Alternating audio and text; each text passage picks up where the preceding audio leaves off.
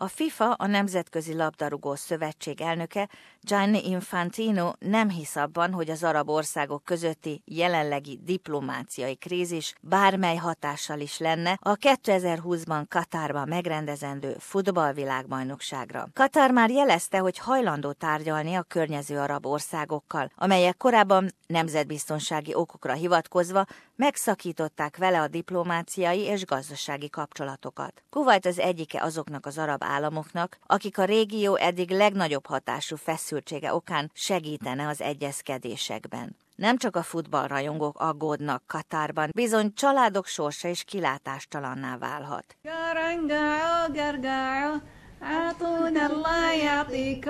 A Ramadán az Al-Yazidi család számára a katari Dohában az együttlét ideje, de a katari nemzetiségű egyedülálló anya dr. Wafa Al-Yazidi számára idén nem felhőtlen a boldogság. I am in, in a risk of losing my children. What I believe it's my dream all my life to raise them around me and to get married from around me and to to be happy all that day.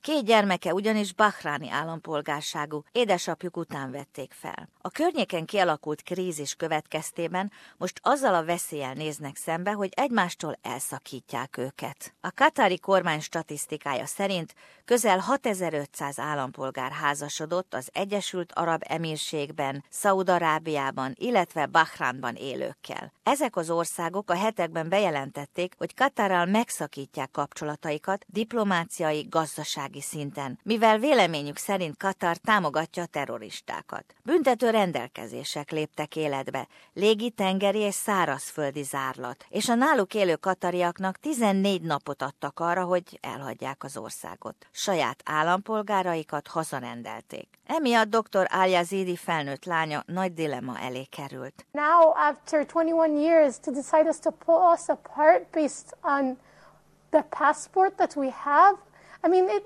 families are beyond passports. It makes no sense to separate them based on Katar később kijelentette, hogy a velük diplomáciai kapcsolatokat megszakító, szóban forgó országok állampolgárai, ha akarnak, maradhatnak. Az azonnali deportálást meghozó rendelkezések következtében Szaudarábiában, az Egyesült Arab Emírségben és Bahrainban vegyes katari állampolgárságú személyek számára segélyvonalat hoztak létre. Az Egyesült Arab Emírségben tanuló katari nemzetiségű Amna. Because I study under a French curriculum, this will obstruct me from starting in another university because the courses won't carry over. They're not the same. The French curriculum is different from the American and British ones. Let's say I apply to study at Qatar University. None of my credits will carry over because I don't have any of the courses I took. This is going to be a setback for me and put my future into the unknown. Ez alatt a Katari Emberjogi Bizottság azt mondja, az állampolgárok panaszait mindenképpen nemzetközi bíróságra viszik. A bizottság elnöke Ali bin Shmaik Almári rámutat, egy sor jogsértésre találtak rá. Imagine you owned a house, it's yours, and then you're told you have to get out of your own house. Wouldn't that cause you a lot of damages? You would lose your home, lose your company, lose your business. Some Qatari citizens who work in the UAE own property, they have businesses. How can you strip this citizen from his right to own property or do his job?